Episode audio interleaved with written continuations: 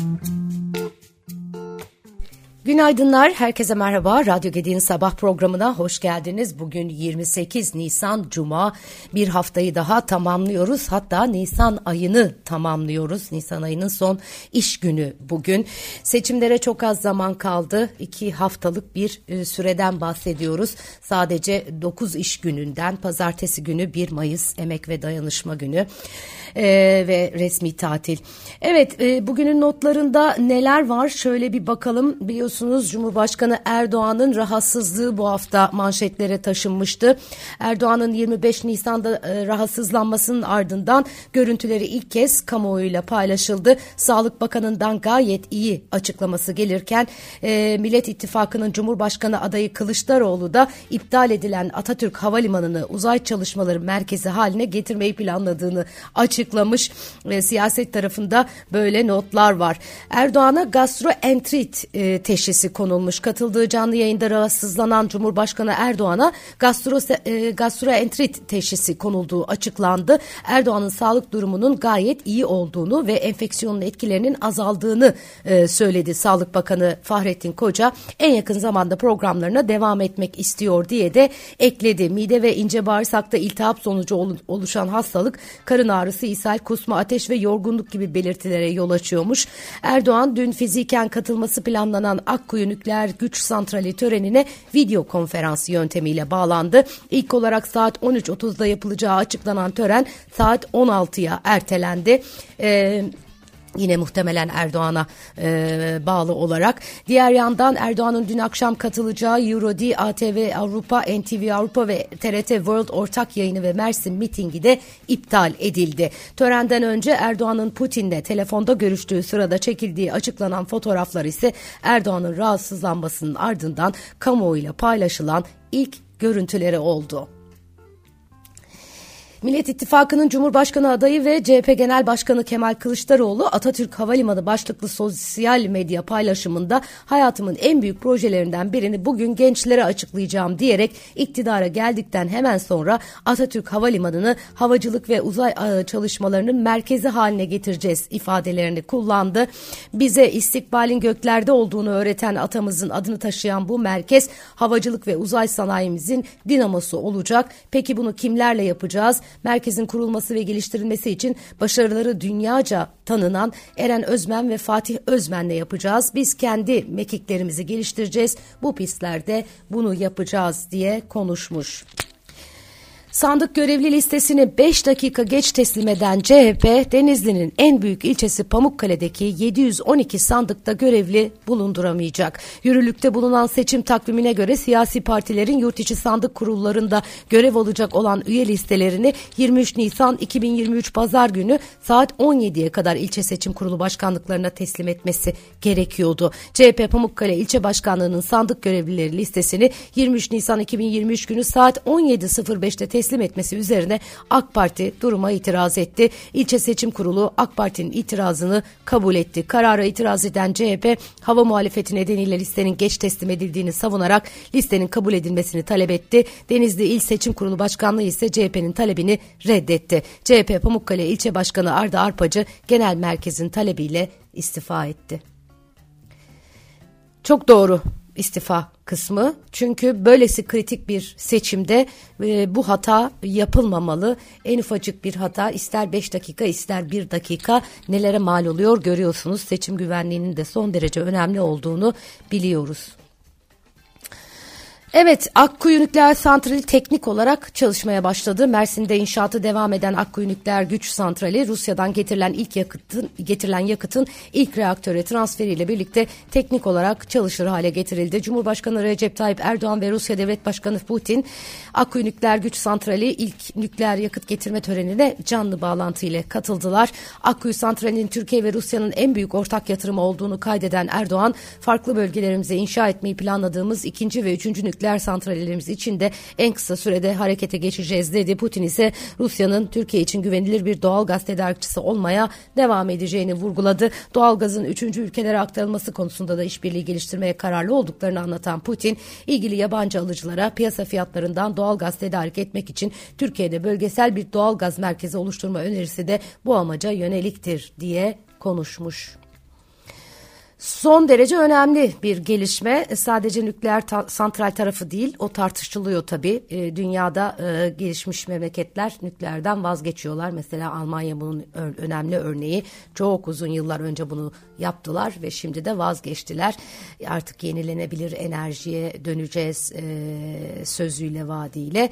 Ama biz e, yeni ilk defa başlıyoruz buna e, ve bunu da Ruslarla yapıyoruz. Türkiye-Rusya ilişkilerinin e, ilişkileri açısından da son derece önemli bir ortaklık bu. Hatta iç siyaseti dahi e, ilgilendiriyor sevgili arkadaşlar.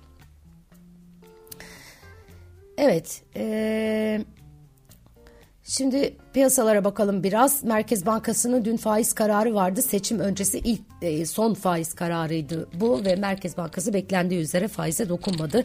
14 Mayıs'taki seçimler öncesindeki son para politikası kurulu sonrası beklentiler dahilinde politika faizini %8,5'ta sabit bıraktı Merkez Bankası. Metinde de neredeyse Mart toplantısı sonrası metinle e, birebir aynı e, yazıları gördük.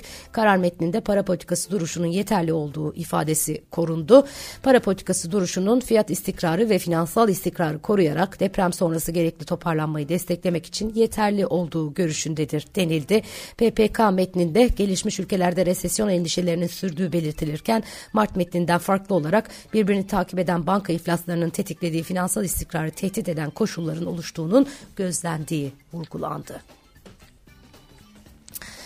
Kur korumalı mevduat tarafında rekor var. Ee, biz bir liralaşma tırnak içinde politikası gidiyoruz ama liralaştıkça dolara endeksleniyoruz.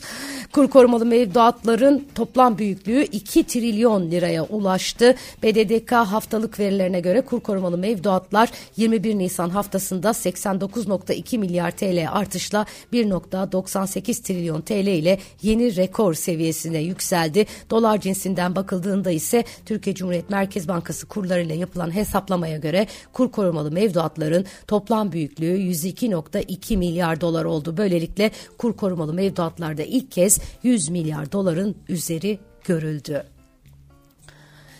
Bayram tatili dolayısıyla 3,5 iş günü olan 21 Nisan haftasında Merkez Bankası rezervlerinde 5,4 milyar dolarla yaklaşık bir yılın en hızlı düşüşü yaşandı. Böylece brüt rezervler geçen hafta 116,1 milyara geriledi. Merkez Bankası'nın net rezervi 21 Nisan haftasında 8,3 milyar dolara geriledi. Bir önceki hafta net rezervler 12 milyar dolar olarak kaydedilmişti. Swap hariç net rezervler geçen hafta eksi 49,5 1,5 milyar dolara kadar çekildi.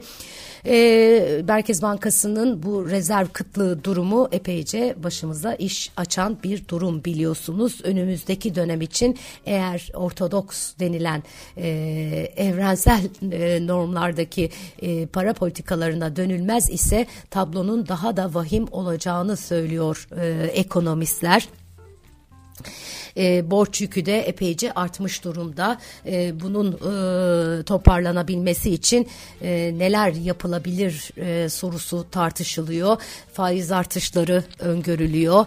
Aniden çok yüksek olmasa da e, kademeli olarak faiz başlayacak faiz artışlarının tabloyu düzenle, düzenleyebileceği konuşuluyor. Para politikasında gördüğümüz tablonun e, ve e, dolarda da sert yukarı yönlü hareket seçim sonrasında biliyorsunuz hangi ittifak ittifak gelirse gelsin devam edecek gibi görülüyor.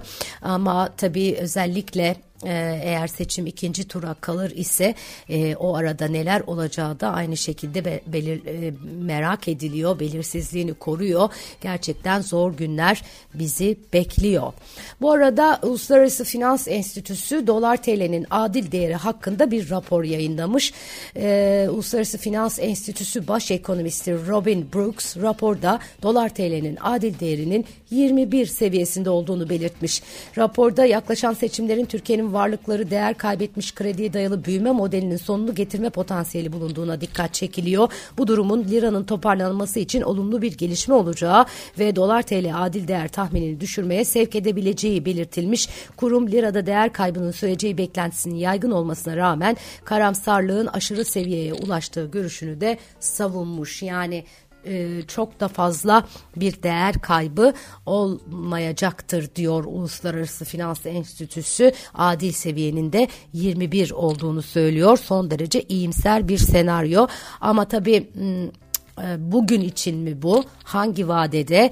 E, bütün bunlar son derece önemli. Beklentiler e, çok daha farklı şekilleniyor birçok senaryo var.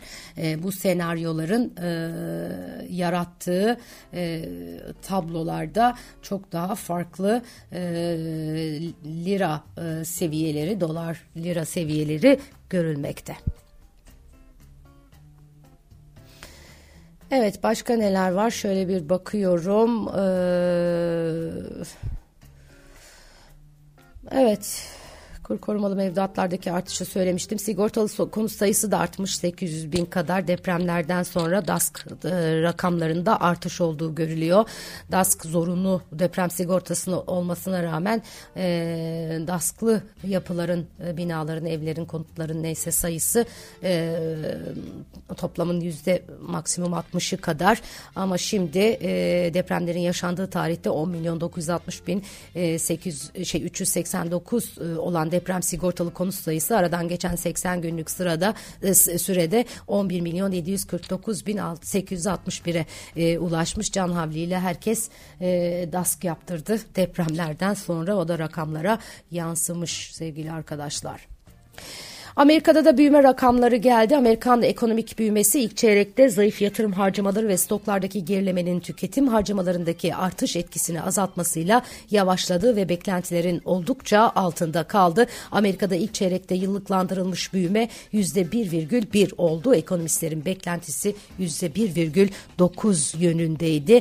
Tabi bu veriler e, yine para politikasını Amerikan Merkez Bankası'nın faiz konusundaki hamlelerini doğrudan etkileyecek.